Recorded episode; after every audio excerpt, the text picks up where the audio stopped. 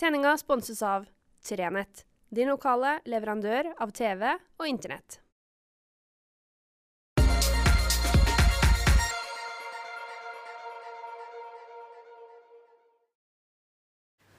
Riktig god fredag. Førstkommende søndag så er det første søndag i advent. Og med det så er ventetida offisielt i gang. Eh, Men det blir òg en, en, nærmest en stilltiende markering av ei annerledes jul. For det skulle jo vært julegrantenning rundt omkring. Det skulle vært julenisser som kom ut av ingenting og delte ut pakker. Det skulle vært så mye. Og så blir det ikke det. Og det her har vi selvfølgelig snakka om time opp og time ned, hadde man sagt, om annerledesjula 2020 og koronajula og koronaadventer og alt det her. Men, men det blir annerledes. Det gjør det. Og vi er nødt til å tenke på en annen måte. Forleden dag så, så spilte vi inn pod om, uh, om, Isabel og Robert og jeg. Nå snakka vi litt om det her med å ha plan B. Uh, og det er nok ikke så dumt å ha en plan B.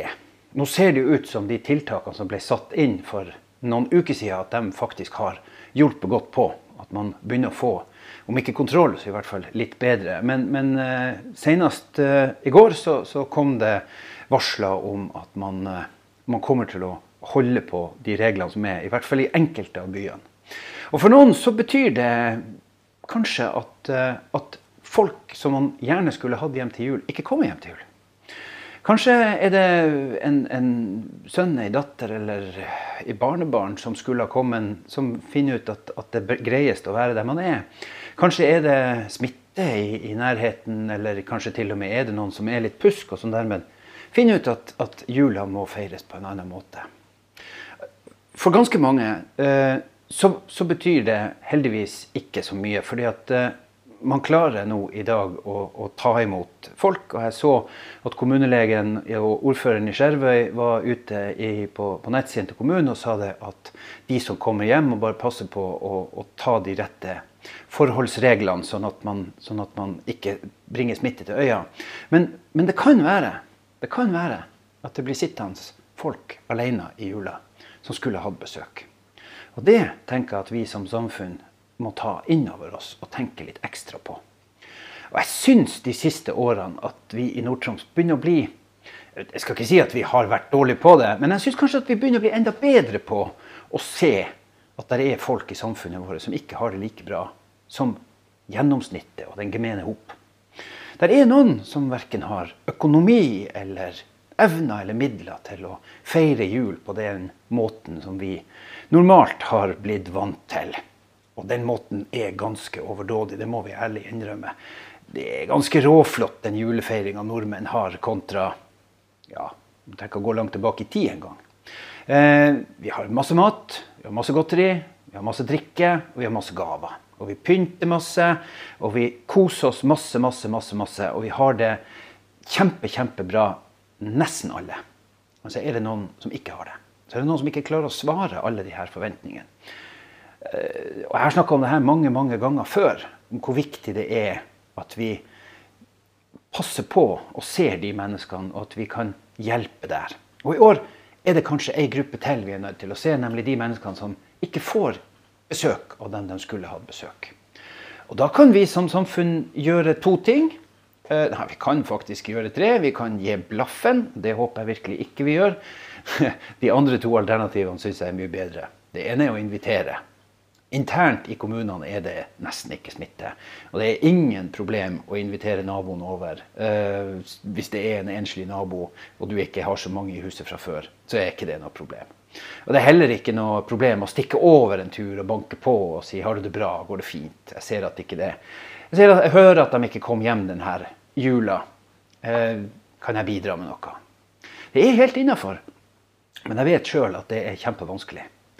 For at vi har så lett for å tenke at vi kanskje gjør noen små med å gå og banke på på den måten.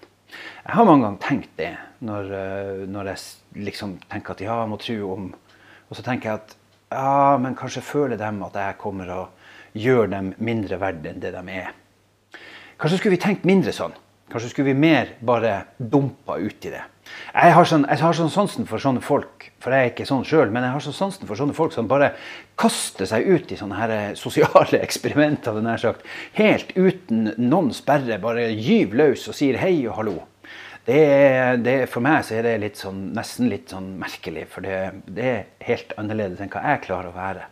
Men Kanskje går det an å finne en gyllen middelvei. Kanskje går det an å legge bort noe av den engstelsen for å, hva det kan medføre, og heller ta en sjanse. Stikke over, banke på, sende en melding, kontakte noen og si du, jeg ser at det ble sånn. Eller jeg hører at det ble sånn. Og så har vi jo en del organisasjoner og en del folk i denne fantastiske, herlige, deilige regionen vår som står på og som gjør en masse bra. Uh, og jeg kommer nok sikkert til å nevne dem opp imot jul når det stunder på. Men, men, men, men altså, det er jo frivilligsentraler, og det er folk som bare gjør ting. Og det er ja, helle måned, som det heter på Østlandet, for, for, for noen mennesker som, som, bare går løs på, på det som kanskje er noe av det viktigste som fins, nemlig å se andre folk. Altså, det skal ofte ikke så mye mer til enn et hei. Jeg, hadde, jeg, har den, jeg har den store lidenskapen å lese tegneserier. Jeg elsker å lese tegneserier. Og en av mine favoritt-tegneserier det er jo da selvfølgelig Pondus. Jeg syns Frode Øverli treffer et eller annet nesten hver eneste stripe han leverer på. Men, men, så har det kommet en del andre tegnere som jeg også har veldig sansen for. Og en av dem er, er Storefri, som handler om en skole der man har lærere og man har elever. Og så følger man da de her karakterene i det her tegneserieuniverset.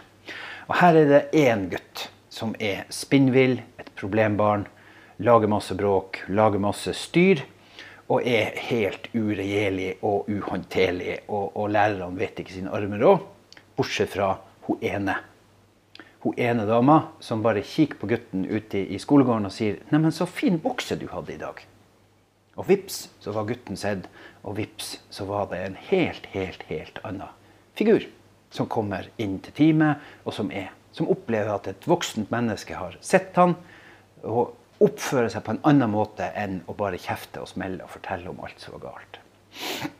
Det er noen mennesker som har den evnen til å se andre folk på en sånn måte, og til å gjøre sånne ting som er helt utrolig artig og spennende. Jeg håper vi alle kan ta fram en eller annen modig muskel i oss som gjør at vi kan strekke ut ei hånd mot andre som trenger det, når vi nå går inn i ei av de mest utfordrende adventstidene som har vært. I hvert fall så lenge jeg tror jeg har levd. Med en, en, en, pandemi som henger over oss, og som gjør at alle de tingene vi skulle ha gjort, som er helt naturlig å gjøre, ikke kan gjøres på samme måten. Vi kan f.eks. ikke bare stime inn på, på dagligvarebutikken og bare gå helt bananas i hyllen.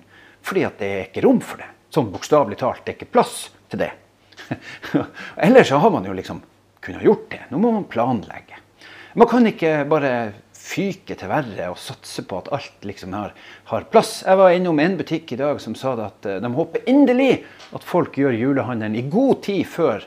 Fordi at de frykter at det er rett og slett ikke plass til at det skal være kaos den siste uka før jul. Da må de stenge butikken, og så må de ta inn i slusa, og så har man det gående. Så det er så mye å tenke på. Det er så mange ting inni denne adventa som vi har å fundere på og løse. Og det gjør jo at vi Det blir spennende. Det gjør det. Men så går det an å gjøre en del ting som er trygt og godt. Uh, det går an å, å, å, være med i de aktivitetene som er. Det går an å møtes i mindre kohorter. Nok en gang tegneserier da jeg var yngre, så var kohort et merkelig ord som sto i Asterix og Obelix, som jeg ikke helt klarte å forholde meg til.